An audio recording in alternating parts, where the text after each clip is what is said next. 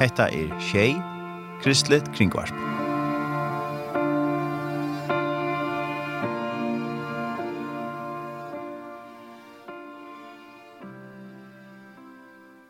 Velkommen til uh, morgensendisen av morgen av Tjei, og her i Udorsson i dag er Tør Erne Samuelsen. Og vi færre i sendingen det at høyre om Christmas Child, og vi færre oss av vi eh, tvei som vi vidtja her, tvei kvinner som vi vidtja her fyrir nu i Nagadia, det er vikskiftet. Og her kommer greia sin fra arbeidene tja Christmas Child og det som her arbeider vi. Og her er jo, her har vi vidtja eh, flere standes her i Førjon. Og her er det eh, Arma og Anna og Arma er østleier for Christmas Child i Skottlandet. Og for å si jeg synes om hvordan større avskan heter arbeid hever og så bøttene som på oss skjeggversner. Og så er det første letet så skjegversnen er 13. oktober. Du lortar etter Tjej, Kristlet Kringvarp. Kringvarp.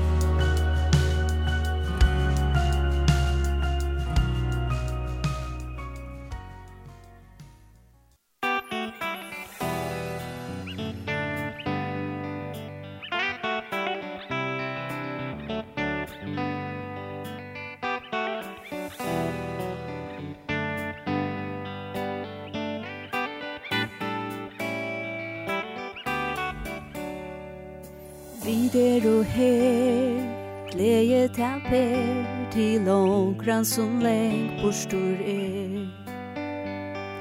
Og lydel gava at rettsilje band Skal sendas til eit anna land.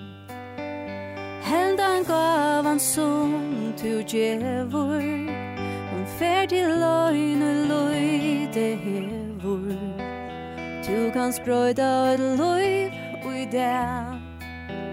Gjera okra løy betre lær Og så løy det som det krevor At et baden vi smule svevor Takk fyrir gavuna Og Herren signe te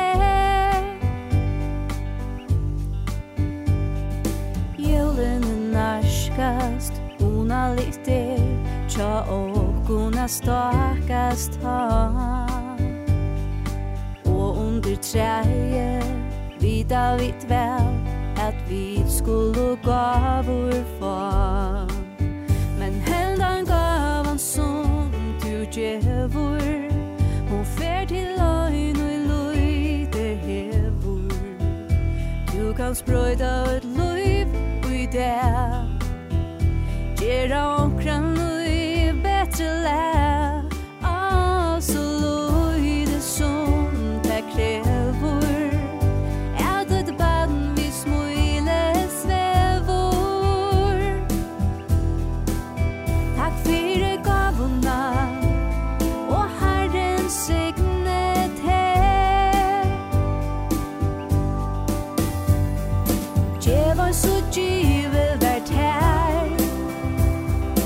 Djevon så djive vært her. Djevon så djive vært her.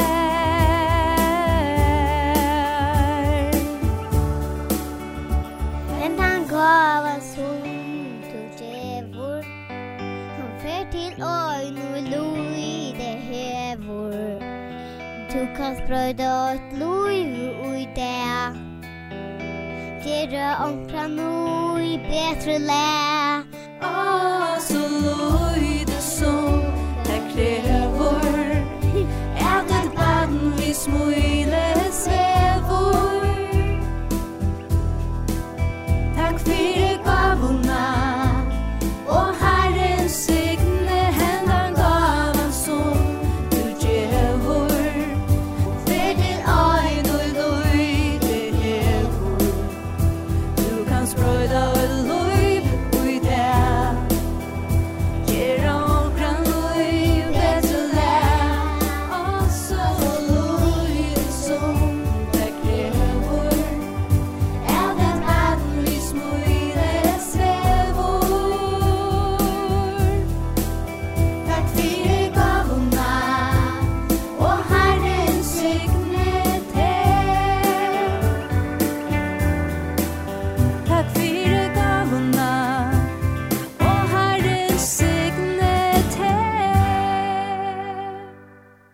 det sangren Djevan, så Djevan vært her, det var Herra Torsedje som sang, og det er en sanger som i Djeva ut i samband vi Christmas Child, og det er, ja, det var 2015 at den sanger kom ut.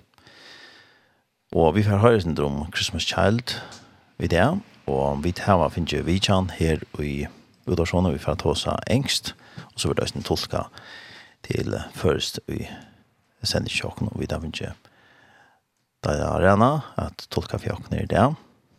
Velkommen da. Jo, takk for det. Og um, så færre vi det at uh, prater vi Jessna Jokon og uh, Arma Noble og Anna Goya, Goya, or something. Yes, is that okay? Yes, that's right. Yeah, welcome to our studio. Thank you. Good morning. Good morning. Thank you. Good morning, everyone and um, we were thinking about her hearing a little bit about the uh, Christmas Child and uh, what is it all about and why you are working with the Christmas Child. But if you can just start with the uh, uh, why are you working with Christmas Child? Well, I um sorry. um so yeah, I've been working with uh, Operation Christmas Child for a few years now. Jeg har arbeidet vi Operation Christmas Child i några år nu. Um, previously in a slightly different role um, uh, to uh, engage with churches. Jeg har ærer oppgaver først ved, ved at uh, tage samband vi samkommer. And then from last year in uh, April, so a year and a few months, um, as the regional manager. So fra uh, april i fjør, så i april i fjør så har vi vært um, ödjeslejare for, for Christmas Child. Ja. So my region is Scotland. Mitt ödjet til så Skottland. Plus the Faroe Islands. Og Färjö. And uh, yes, everyone is, uh, all my colleagues are jealous because I get to come and visit the Faroe Islands. Alt som jag arbetar samman vid är ju översjukt till jag släpper, att, til jeg slipper til Färja.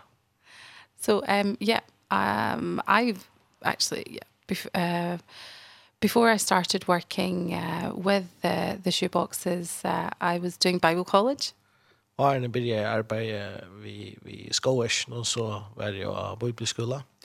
And I think, is there anybody left in the Faroe Islands that has not done Bible college? It sounds like everyone has done it here. Nu tar jag er i färgen så spyr mig om, om de har varit näkare här som inte var på bibelskola. Det verkar som alla har.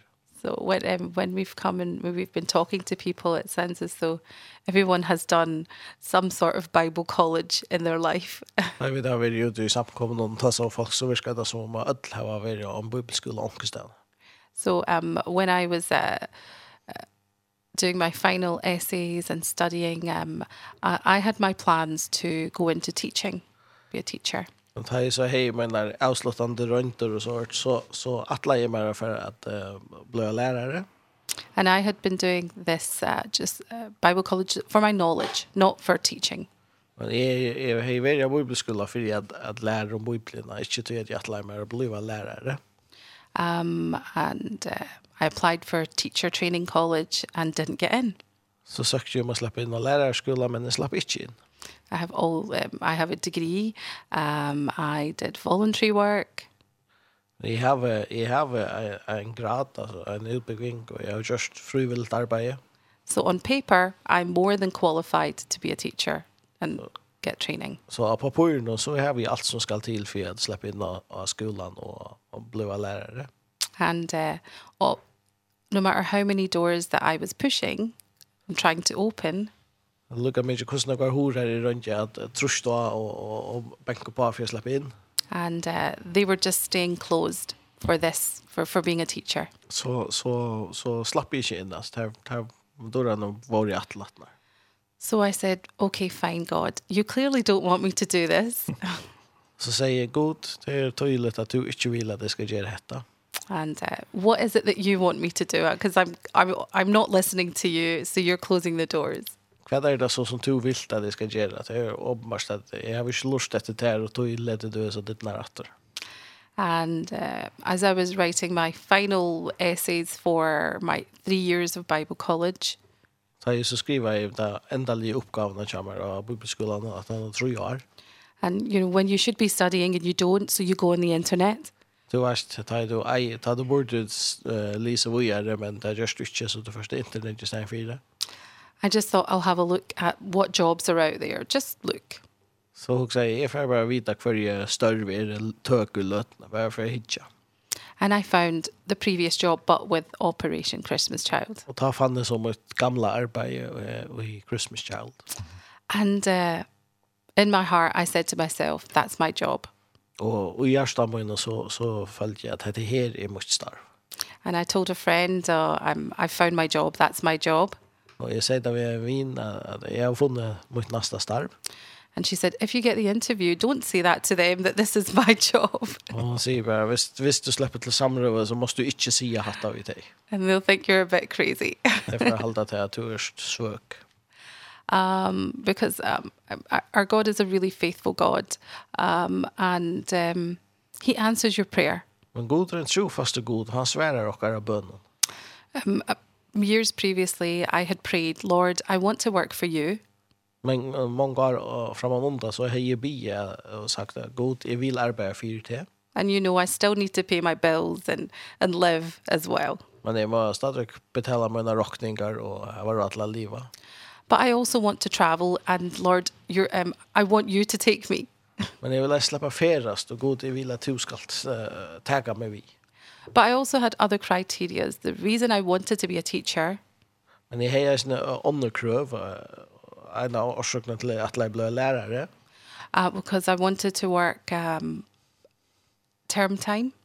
Hva er det jeg ville slippe at arbeid og i... Uh, School time, yeah. yeah. Have a, have a always arbeidsstyr. So when the children are, are in school, I work. Så lest jeg tar i i skolen, så kunne jeg arbeide. And when they are off, then I'm off og ta et hei fru, så hei jeg eisne fru. Ja, because I have, um, now they're um, 10 and 7. Ja, og tvei bøtt som er 20 år gammel. So then they were much, you know, five years ago, much, yeah, much younger. For fem år siden, da, de var nok yngre. And when I saw this job, this was, this, the, the previous job was part-time. Och det arbeidet som jeg, som jeg sökte det var uh, parstøy. And term time. Och vi er avvisen av and uh, I just I I just knew that this was my job. This this was the the Lord had uh made the circumstance and and you know he guides you, he leads you to um your heart's desire, but he puts his desire in your heart. Och jag visste att detta var god som ledde med det. Han han leier ju och och och och lägger av oss ting tära hjärta för att som som så blev att tydligt i kejsen. And um cutting other things short. Um, I mean, lots of different things happened. Um, but uh, when I actually uh, was offered this job, Och för jag gör en, en längre service, servicen stittre så tar jag så ändelig jag fick uh, ett arbete i Bjoa. The person that uh, fooled me to tell me you have the job. Så säger han personen som ringde till mig för att bo mig för att nu fick starve. And he said, we were waiting for you. Han säger, vi då boja efter det här. So I'm I feel very blessed that uh, I work for Operation Christmas Child. So I felt my earlier well sick now I had to sleep at for Operation Christmas Child. I wasn't thinking I was going to tell you this story. Yeah, I'd like to fortell you the hesa so the more good. Um but it's a, I'd like to share I've shared it as a testimony to God's will in your life and letting go of your will. Men jag vill låta det här för att visa som en vittnesbörd om Guds trofäste och Guds vilja i tiden. So Operation Christmas Child, the Faroe, uh, have done for many years. No, for year how we we Christmas Child in Nogvar. And if you haven't done one yet, um then yep, this would be a great year to start doing boxes. Om du ikke just denne skoester for, så er dette et godt år å begynne. Um, we are we have a special focus this year on the boxes. Uh, one third of our UK total of boxes going to Ukraine. Och vi har särskilt fokus är i år vi att en triangel av västern som kommer in för till Ukraina. And the countries that are surrounding Ukraine where the refugees are going. Och det är landen som är runt om här här som flotta folk kommer till. You when you when you give a box when you donate a box uh, for a child. Da du gjør en en äske till barnen. You will be making such a difference to children that are going through a terrible time. Just så, där. Så först att göra en stor mån och liv när jag har bett som färdig jag så så ena så svarar till. But um, Anna is with me this morning, and she actually got a box when she was uh, uh, a little girl in Romania. Ja, Anna som är vi med här i morgon, hon fick faktiskt en sån skoäst, ta Hon var en liten jenta och bor i Romania. Um, I don't know, Anna, do you want to kind of maybe share a little bit about whatever you feel comfortable with? Yeah. Uh, yeah. Yes, sure. Good morning, everyone, morning. again. And it's such a blessing to be here. And God morgon, really, allsammen til velsignelse jeg er her. I'm really honored to be here and have the opportunity to share. Jeg føler meg så er heppna å kunne være her og at kunne låta vi tekken. Just a glimpse of my story. Bare lite bråd til mine egne søv. And I hope this blesses you as well and in your day. Jeg vågner at jeg var velsignelse for det og i det and most importantly in your faith and your walk with God. Og jeg er nye tøyne trygg og tøyne, tøyne samfunnet vi god. So as Arma just said, som Arma sier, I'm one of the million children in the world that received the shoebox. Så jeg er et av de millionene av bøttene rundt om i heimen som jeg finner henne skoveske. And I received this when I was seven years old. Vi fikk jeg seg da jeg var tjej år gammel. And this was for Christmas time. Det var i Jolun. So I'm from Romania in a city called Cluj? Er ur Cluj i Rumænia. And this is where I uh, was born. I grew up with my four brothers. Jeg ble født her og växte opp her sammen med fyra badjon. And my parents. Og foreldrene sammen. And I remember the time when I received the shoebox. Og minnes da jeg fikk disse skoene. This was actually in a, one of the lowest difficult time in our life. Hetta var faktisk ett av okkar det var ringaste tøyin og okkar som familja. And this was because our father was uh, critically ill and had cancer. Och det alltså pappa jag kan var var allvarliga sjukor tror han är krabba mine. And very sadly he died just a few days before Christmas. Och han får fra kon døye bara några få dagar och Ariel. On top of this as uh, we grew in Romania it was it, it was a time of where the communism hit. Och samstundes så hade det varit ärsnö med en kommunismen rådde i Rumänien. So we had the humble upbringing. So we had en uh, fatakan uppväxter. And often we we did struggle we didn't have everything we needed. Och vi upplevde ofta att vi inte hade allt som och kunde vara.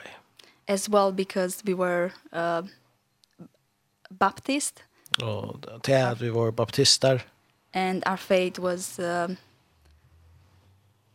was not not many people in our country were protestant. Det var ju så näkt var i landet så var protestanter i överhuvud. So unfortunately because of this we were bullied a lot. So orsakar hesen så var vi eisne forfyllt. Uh, but even so Men nei, og, og, korsene. I remember church being a big part of our life. Så minnes det at uh, samkomma var en stor part av vår liv.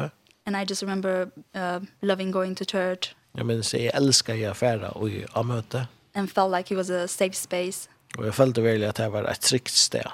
And just knowing all the Bible stories and the songs. Och att då alla sövnar og då sansnar.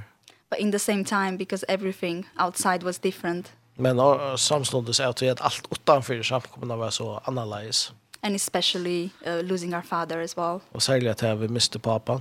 This made it really difficult for me and my brothers and our mom. Så gjør det at det ble veldig uh, ringtja mer og, og badgen og mamma mine.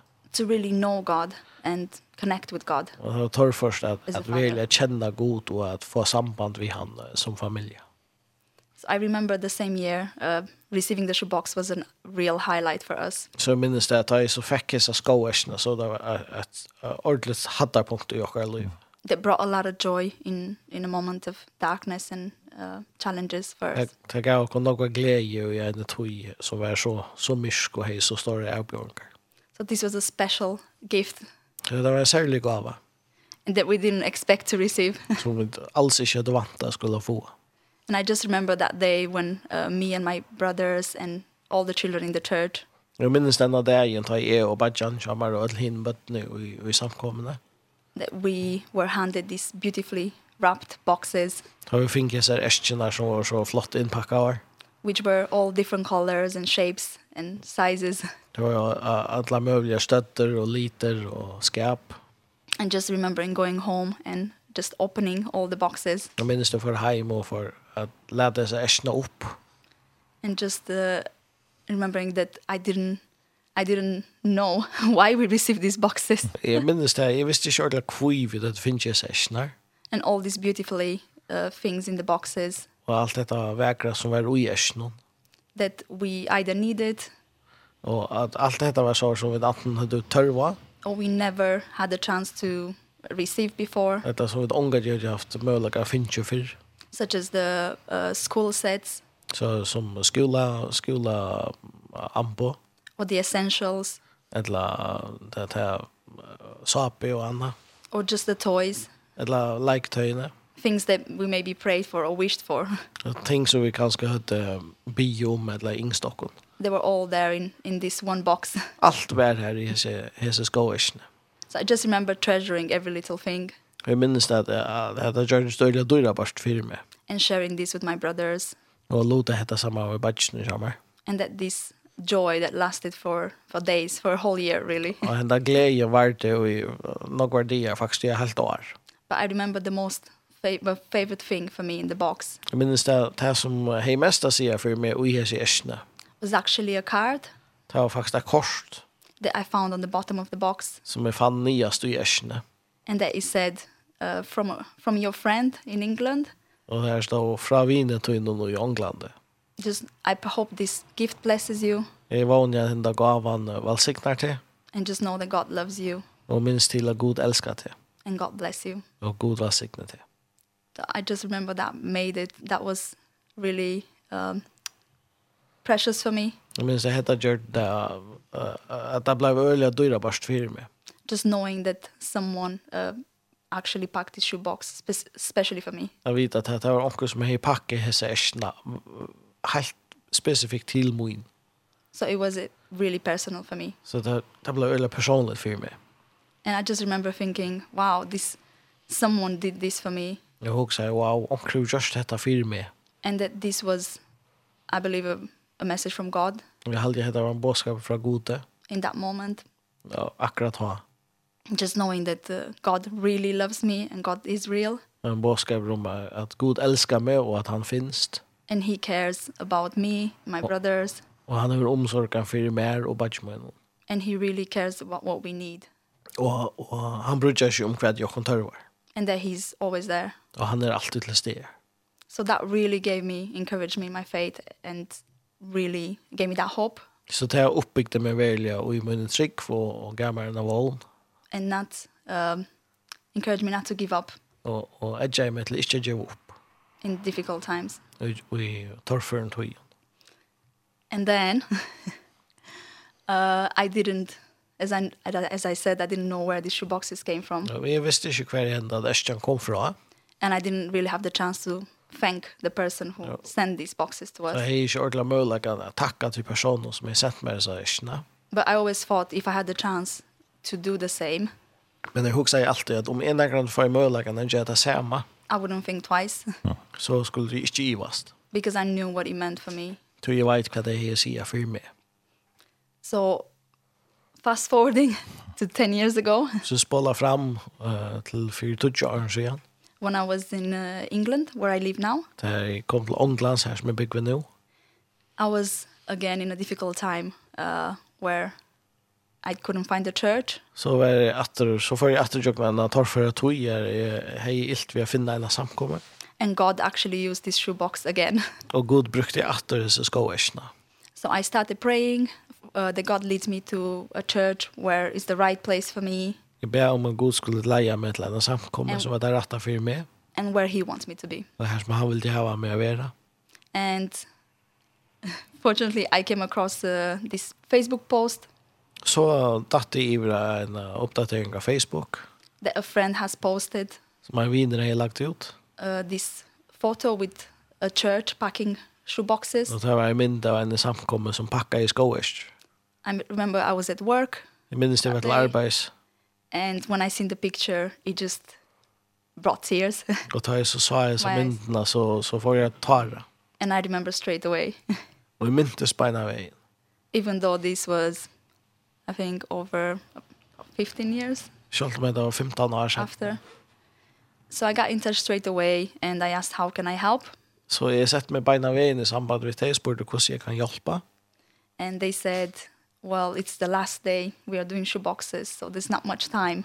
Og de sa det, nei, men det er sørste dævren vi pakker æster, så det er sånn, det er sånn jeg tog etter. But if you really want to get involved. Men om du velger ikke å bli en parstrevet sånn? there's another place that you can drop the shoe boxes in so the next er, two days. Så so er det et annet sted som er uppe i tvärdera treter här kan levere äskorna. So I knew I didn't have much time. så jeg visste at jeg har ikke noe tog. So I told my colleagues at work. Så jeg sier vi starsfällare när jag I got the courage to ask them to help me to get involved if they like.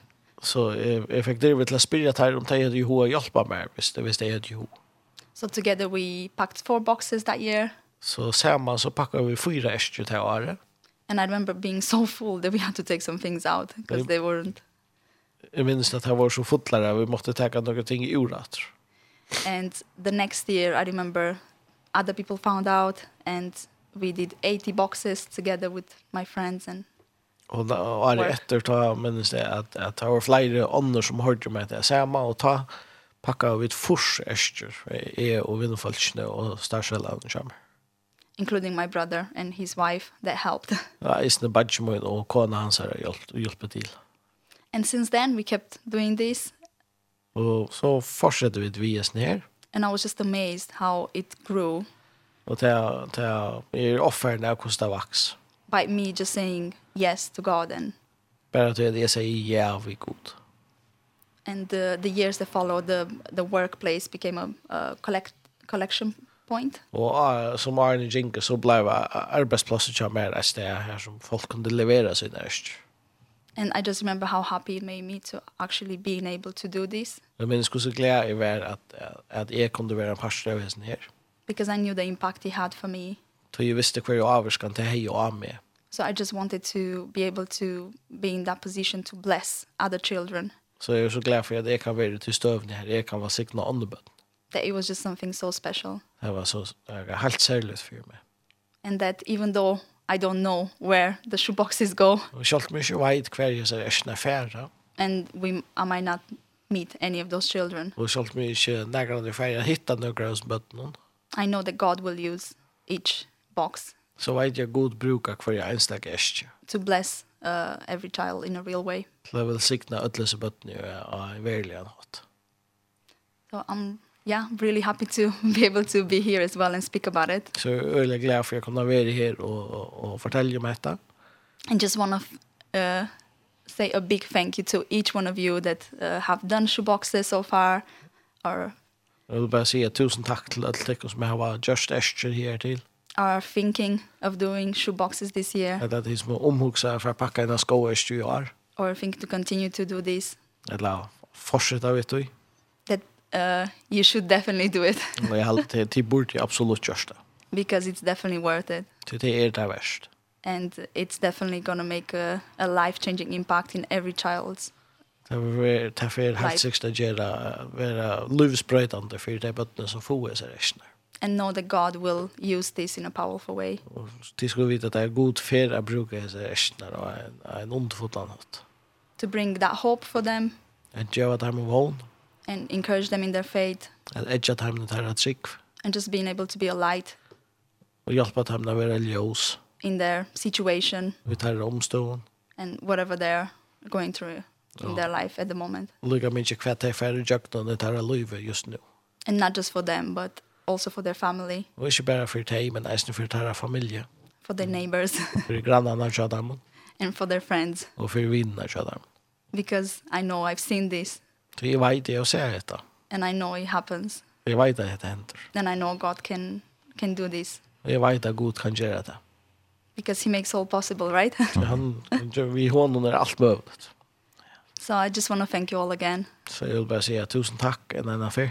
And I pray that God blesses you. Og jeg ber om at Gud ska være signet til henne. Even more that you. And mer and are doing this. TJ. Mm.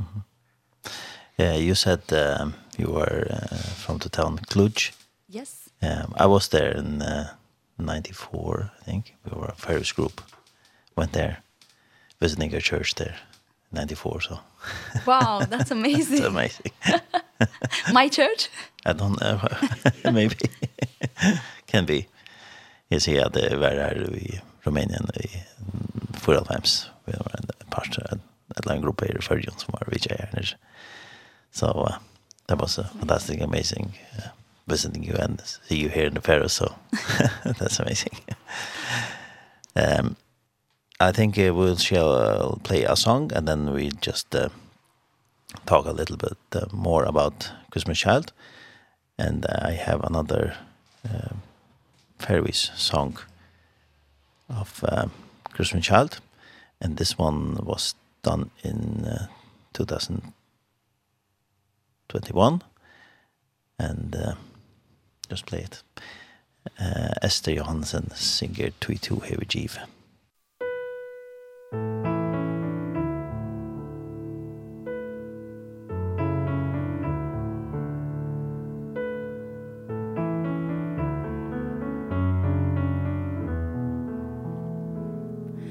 Öll hava í tjikrum að vera frá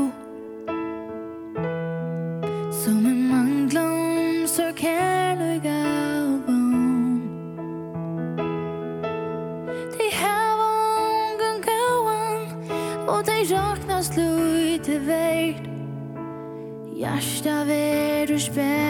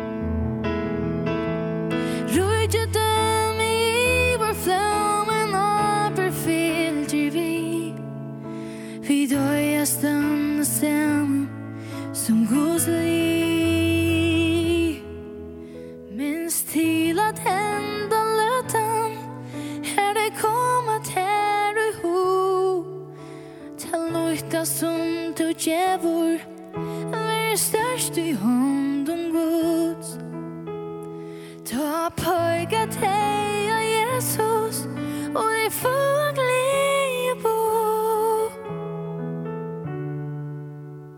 Du du är vår Jesus.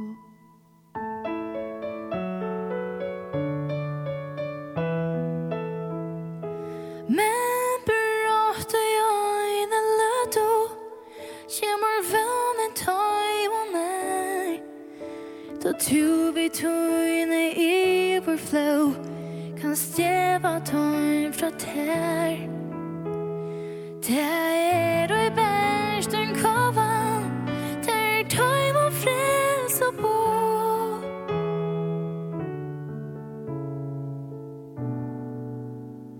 Du du er vår giv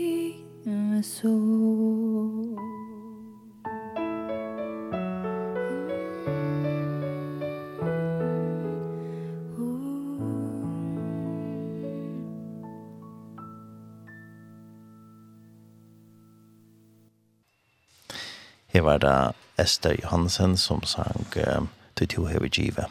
Og den sangen som gått ut 2021.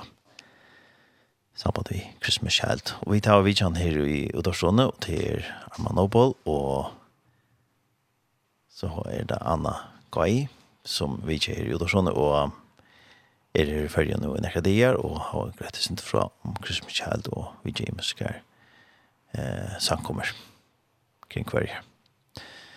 Og vi tar da Anna, som er tolka for jokken i det. Uh, Anna, when you talked about uh, getting this uh, uh, box, uh, uh, did you get uh, any box uh, later, some years back, after that, the first box you got? Or was this the only box you got? Var fikk du et, fikk du flere eskjer at han har hett her, eller var det bare enda fyrir når du fikk en eskjer? Actually, I was uh, blessed to receive more boxes. Mm. So yeah. we received uh, um, a few years later as well. Jag var så häpen att jag finns ju ästje fler färger så några år sedan fick jag åter ästje. And were, were they different, these boxes? Was it different things that were in these boxes? Yeah, yes, yeah. Every time we received a box and uh, even when I received it the first time with my brothers, I remember just comparing our boxes and and just being amazed how unique they each were. Jeg minnes det at bare da jeg fikk æstje en av et rett, og eisene da jeg fikk første før, da jeg samanlokna i min æstje, vi tar ikke badgene kommer, at vi var offerne av hvordan einstekker det var, hvordan imsker det var. That we all received the things we liked or we needed, specifically. Vi dødde det finnes jo til smakken tørveie, eller til smakken dameie. So that was an extra blessing. Så det var ett ega var signal till her. Because I thought, how did they know that this is what I like when they've never met me? Jeg husker nemlig, hvordan kunne de vite at hetta, at man damer hette her til det unga jeg har møtt meg? So I knew that was definitely uh, a god thing. Så jag visste at dette var helt sikkert god som jeg har finket vi och sådär. And there were there many children who got boxes at uh, your place, at your town? Uh, so in my church it was uh, three, four hundred people church and maybe 100 150 children. Vi samkomna her som jag gick her, vi var en 300 folk i samkomna, kanskje 100 och 100 böt. So yeah, a lot of children. Det var, det var några rester som kom här. And were there enough uh, boxes? Yes, yes. We each received the shoebox. we think you en rester. And also different uh, ages of the children.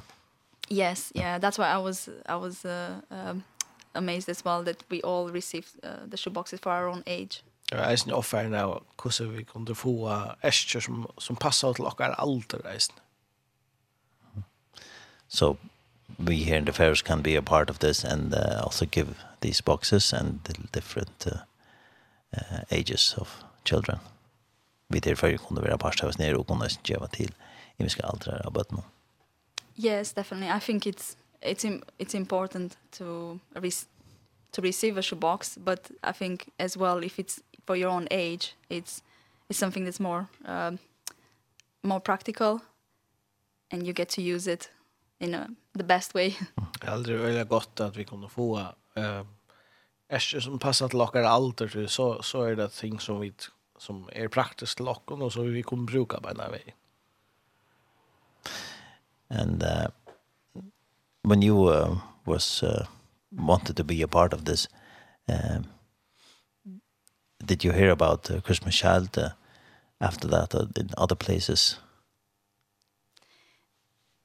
Do you mean when? Yeah, when they gave, gave boxes to other places uh, like other churches and Do you mean in the UK? Yeah. No, and and uh, yeah, also in in Romania and in the UK. Uh when I first heard about it, it was in the UK so I started uh, looking for places near me where they actually do this and started being more organized. Mm -hmm. Først jeg hørte om Operation Christmas Child settene, det var så da jeg kom til Åndland så begynte jeg å leide etter møleggene her, jeg kunne hjelpe til.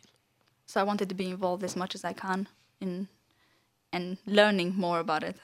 Så jeg ville være virkelig sånn jeg som jeg kunne og lære mer om etter and knowing how I can help more. Og Och vita hur jag kunde hjälpa till. So you didn't know uh, what this what kind of, why you got this box and uh, what's this other organization? You didn't know it about it that time. Yes, that's child. that's true. Yes. Mm -hmm. Jeg, jeg, kjente, jeg kjente ikke til fellesskapet, visste ikke hvor jeg fikk en session av det. Nei. So I started reaching out to them and uh, found out that there were warehouses in uh, near me there uh, people volunteers go and pack the shoe boxes and check the shoe boxes. Så har så kom till England så får jag leta leta efter ett fällskap nu och fann ut att det var det var lager i närheten av mer här som frivilligt kunde komma att packa äschnar och och sända det och göra. So I volunteered there and I helped out with the with doing this. Så jag hjälpte till här och vi vi vi i muskulna och lager. And it was a lot of fun. Mhm. Det har ordentligt stort and a lot of work too. Oh, negwar by Eisen. But it was amazing to see all the work behind this. Men det var fantastiskt att såg allt arbete som la i Eisen. And all the time and commitment. Och alla de tygerna och alla de orskarna som det krävde. But most importantly the heart and the passion of people coming together to do this. Men det bästa var att såg hjärsta och, och utne och ut här med folkna som kommer samman om att göra det. So that was really overwhelming, really heart touching. Det det var rörande för mig. And really give me a bit better understanding of everything. Det här gav mig en bättre en bättre fätande av av öllon. And understanding how big this is. Så att det kunde skilja hur så stort detta verkligen är. But I because of this I loved it even more and I wanted to get involved even more. Och jag av det som så älskar jag det uppåt mig och vill det just eh en vill det en mer just en par just nu when you got this box first time, uh, what year was it? Hva år var det da du fikk boxen? I think it was 1993. Jeg halde først før jeg fikk en session av 1993. So that's a long time. yes. Det er lenge siden. Yeah. Um, Arma, um, when people uh, hear about this and uh, they want to do boxes, uh, mm -hmm. what kind of things can they put in the box? hva for ting kan man køre igjen, så er det ikke. What we always, what we talk about first is put in something that's a wow toy. Uh, det første som pleier å si at det här, kör akkurat ui som er en sort wow, yeah. wow-like. A wow gift, a wow toy. Something that when they open the box, they say wow. Och som ger att ta ett hela ärsna upp så sier de, wow.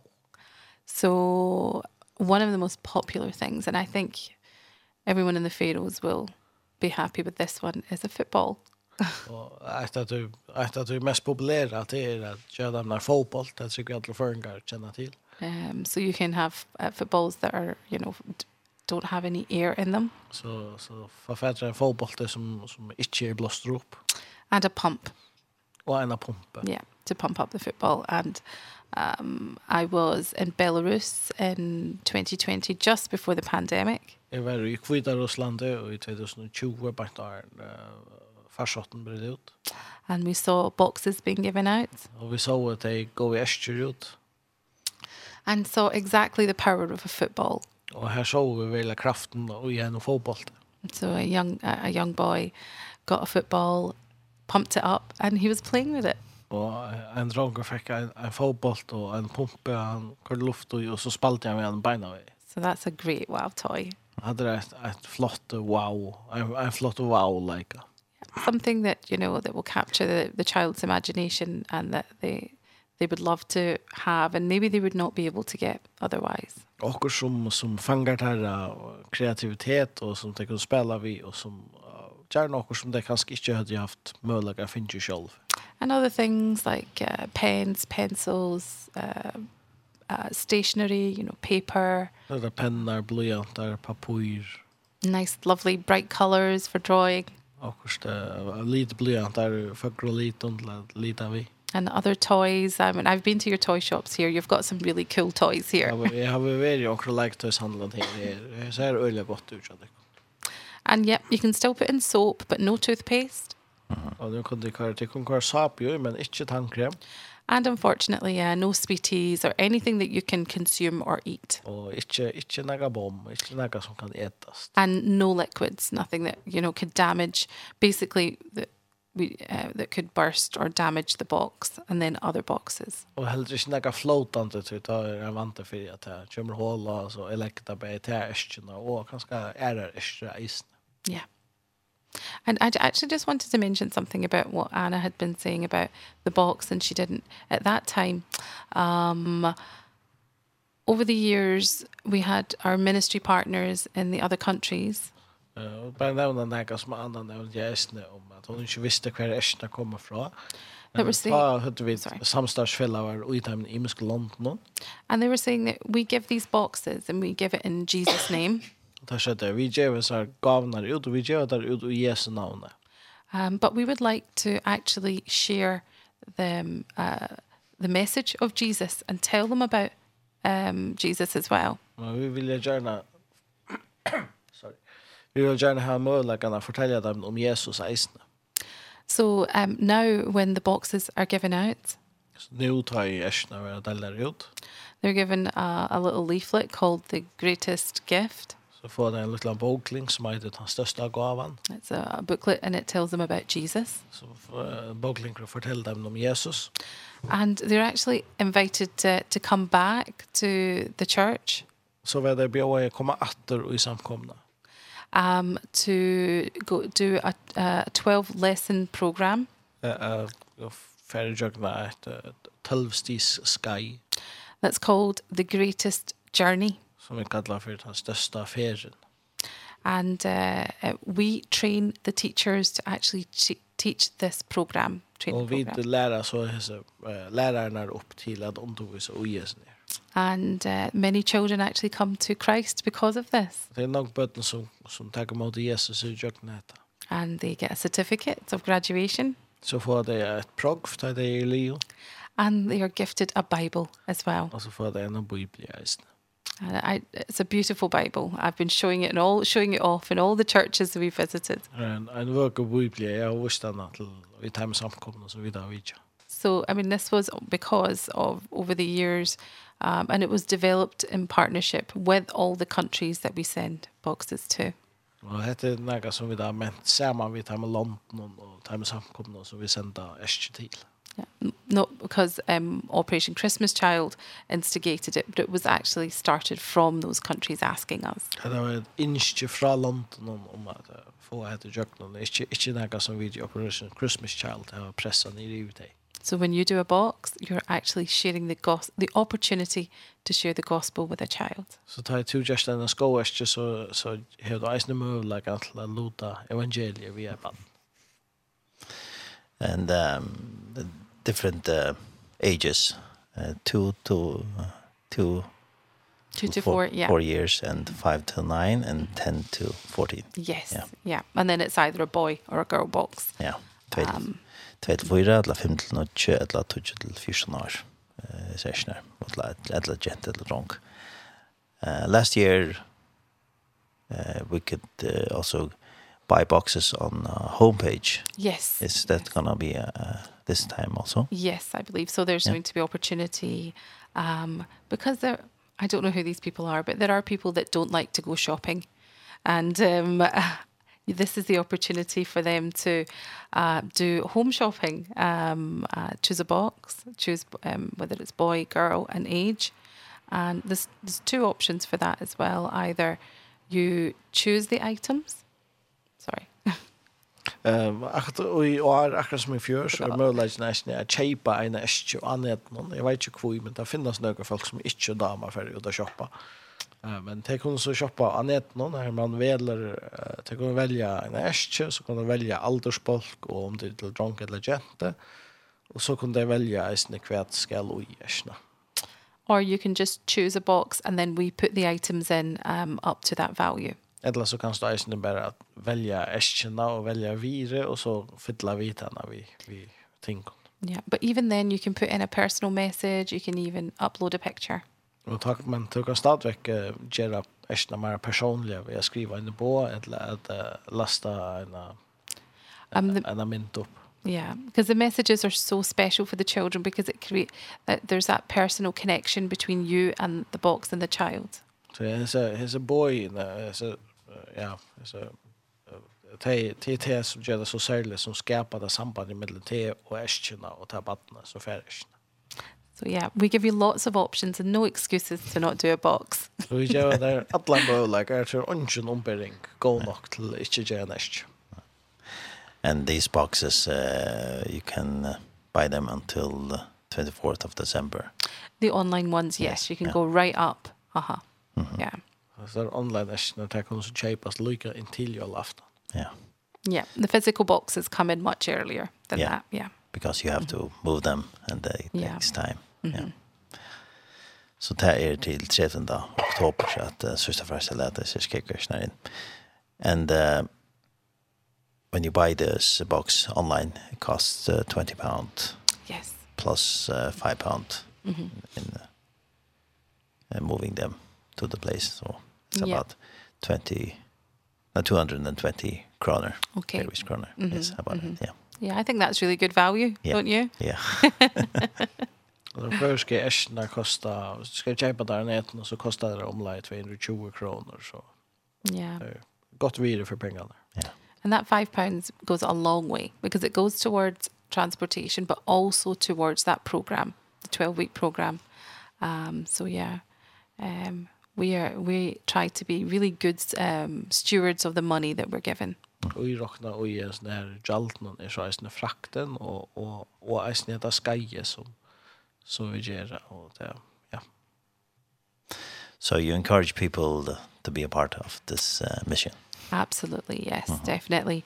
Um, these boxes change things, do things that you would never even imagine that they could do så vi edja folkena var vi är snär till det så är sen skärpa några som du ångar det här vi menar där att att konjenta and sometimes that the, the impact is not immediate sometimes it's uh, adults remembering when they got a box Det är inte alltid att det händer på ena vägen. Och det är så där vuxna folk som minnas att och att det funkar. Det är So yeah, keep packing those boxes, keep blessing children and uh, and Anna has mentioned this many times before when you do for others you bless you are blessed as well Så blev vi att uh, packa äskor, blev vi att välsigna bötten och Anna nämnde det i att ha to ger hessar äskorna och välsigna dig så välsigna du äskorna själva. Eller så först du äskorna. var välsigna sig själv. So Anna is a testimony about how encouraging it is to get a box like this yeah. You say so? yes, definitely. I mean, I'm still, like I was saying. Be blessed. Yes, I still feel blessed. And just being here, I think it's a testimony of that because I never thought I will be here telling my story mm -hmm. when it's something so personal. Jag føler enn än välsignad av, av av så finns jag särskilt och det är ju en tär som ger att det att det nu släpper jag sitta här och och greja fra om om det but I believe I'm really honored and privileged to do this. Men yeah, det är väl en förrätt att jag mer kunna släppa sitta här. Because it's not just for me. Det är bara för mig. And about my brothers. Det är bara om bajana jamar. And my friends. Lavinar. But also all the other children on behalf of all the children in the world that receive this. Men det är nu väckna öll andra bötten som har finns. So yeah, thank you and thank you everyone in Faroes for your amazing and warm welcome here. Så takk for det og tusen takk all til det følgende eisende for at det er tid så väl mot jag och nu vi där er her. It's been better than we expected. At det var nok bedre enn vi det var. And you definitely managed to make us feel like home. Vi där är jag felt också som heima. So it's been an amazing blessing to be here. Så vi har størst velsignelse for dere och när vi. Yeah, I don't think in the um, we came on Thursday and we're going back today and I've lost count of how many different cakes that we have eaten while we've been here. vi kom her hostdagen og vi færre heim at vi det, og, men jeg har lengst jeg mistelja kos noen kakon og imskon kakon vi da vi etter med vi da vi. And everyone, everyone different, not even the same cake. I'm so impressed. Og atler er analyse, atler er imskar. And I'd like to say a special thank you um, because you, um, the reason that this, uh, ministry and this project works is because of a, a group of really amazing uh, women that, that uh, the committee for Operation Christmas Child because as a regional manager, uh, I'm, I'm just somewhere back here. Um, Årsaken til at dette rigger, og det vil jeg eisen takka til, til nevntene som arbeider vi nere i følgen, til en bolker av Donald i en kvinne som And, og utenom kvinnen, og jeg som er ødgesleier, jeg sitter langt bort fra, men uh, And and we came as an encouragement to you as um uh as the islands and for the this uh, committee that that does everything, does it all. Vi er så kommet her til at uh, være en edjan bare til tikkun, og så er ikke minst eisene for nevntene som, som gjør alt arbeid. So let's see if we can remember everyone's names between the two of them. So there's Turi and Maria. Um, Osla, Lissi, Lissy, Maria, and Osla, Hannah. Lissy, og Hanna. Yeah. So these are folks, and I think there's another lady, maybe called Elizabeth, that hasn't been well. Kanske är en som heter Elisabeth Eisner som inte So I'd like to say a special thank you for these amazing ladies that um that have hosted us and actually they're the powerhouse behind everything that's done in the photos. Så vi säger tusen tack till dessa kvinnor som jag var som jag var vid värskap chocken och uh, som som är tär som driver värskär i förr. And uh, yeah, they are a blessing um to all of us actually um for us and for you in the Faroes. Her er var signelse for det, og nå til bæg for åkken, og ikke minst for tykkene her i følgen eisene. Yeah, none, none, nothing would happen without this this amazing group of, of women. Och hej hänt om det kör för jag säger hej. And uh, yeah, uh, we are going back today. vi får I att det där. Feeling uh, very blessed that we were um, able to come and visit the beautiful islands and such wonderful, welcoming and warm people. Och det är störst välsignelse för jag att kunna vidja så våra ödjanar och inte minst det väkra och mottagande gestabla folk. Thank you. So uh, maybe you come back sometime. yes, I'll need to go on a diet before for all the cake because that the, I'll know for next time. Last last the fish var för lunch kur arne so så så klart att cake kacknar tar go. Definitely the people yeah. and uh, the beautiful place and the cakes. Falsk. My favorite things here. Och det var just det och kacknar till mun indistinct vi för. Mhm. So I'll thank you very much for coming here to our studio. And thank you. Tell us a little bit about this and the testimony about this work. Thank you very much. Thank you for having us. Welcome. And um, if people want to know about more about it and how what they can give in this uh, Christmas child boxes, they can go toward the Fairways homepage. Uh, christmaschild.fo kunde färre nå hemma sina. Här finner det upplysningar om alt hvordan de packa pakke sessioner, og hver der kunne lade seg inn, og de finner alle, ja, det hele. Og så er det så reist i 13. oktober, og Eshna ferdig til Ukraina. Eh, og gjør. Og så, han nevnte jeg Sniane, så kan man nesten kjøpe Skegvers online av hjemmesiden. Eh, Christmaschild.fo her stender en, en fragrang i hvordan man kan gjøre det. Eh, may have a good trip back home. Thank, Thank you. you very much. We're gonna end this uh, talk with another Christmas child song and it's called uh, A Love in a Box. That's then that song you know. Yes, this one I know. yeah, there are some uh, Christmas child songs that are on YouTube also where you can see stuff also. Yes, the ones that yeah. you played were beautiful. Yeah. Thank you. Ja. Det er litt nekker Christmas Child Sanger og YouTube som er leider etter Christmas Child her. Men landet her bare først, det her er her. Ja. Takk for det, at du vil det, som kommer til å kaffe og det. Takk for det. Ja, vi er så kommet til enda, og sender ikke ned det, og tar en sammensending med mitt navn. Jeg var så verst i det. Henta sender ikke vi enda kjent i kveld klokkan tjei, og i snitt klokkan fem. Ja og så vil nesten lagt hjemme heimasinne tjokken tjei.fo. Så har vi et uh, Sanchin Love in a Box.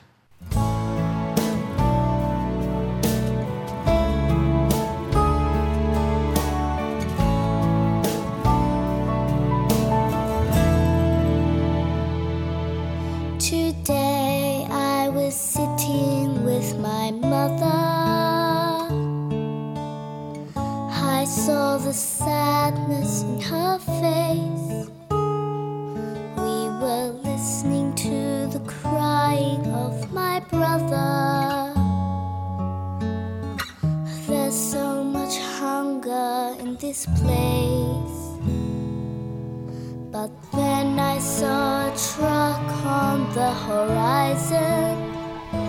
Heat was coming to my village I could see. It was filled with many colored Christmas boxes. And a smiling man said this one's just for me. You put your love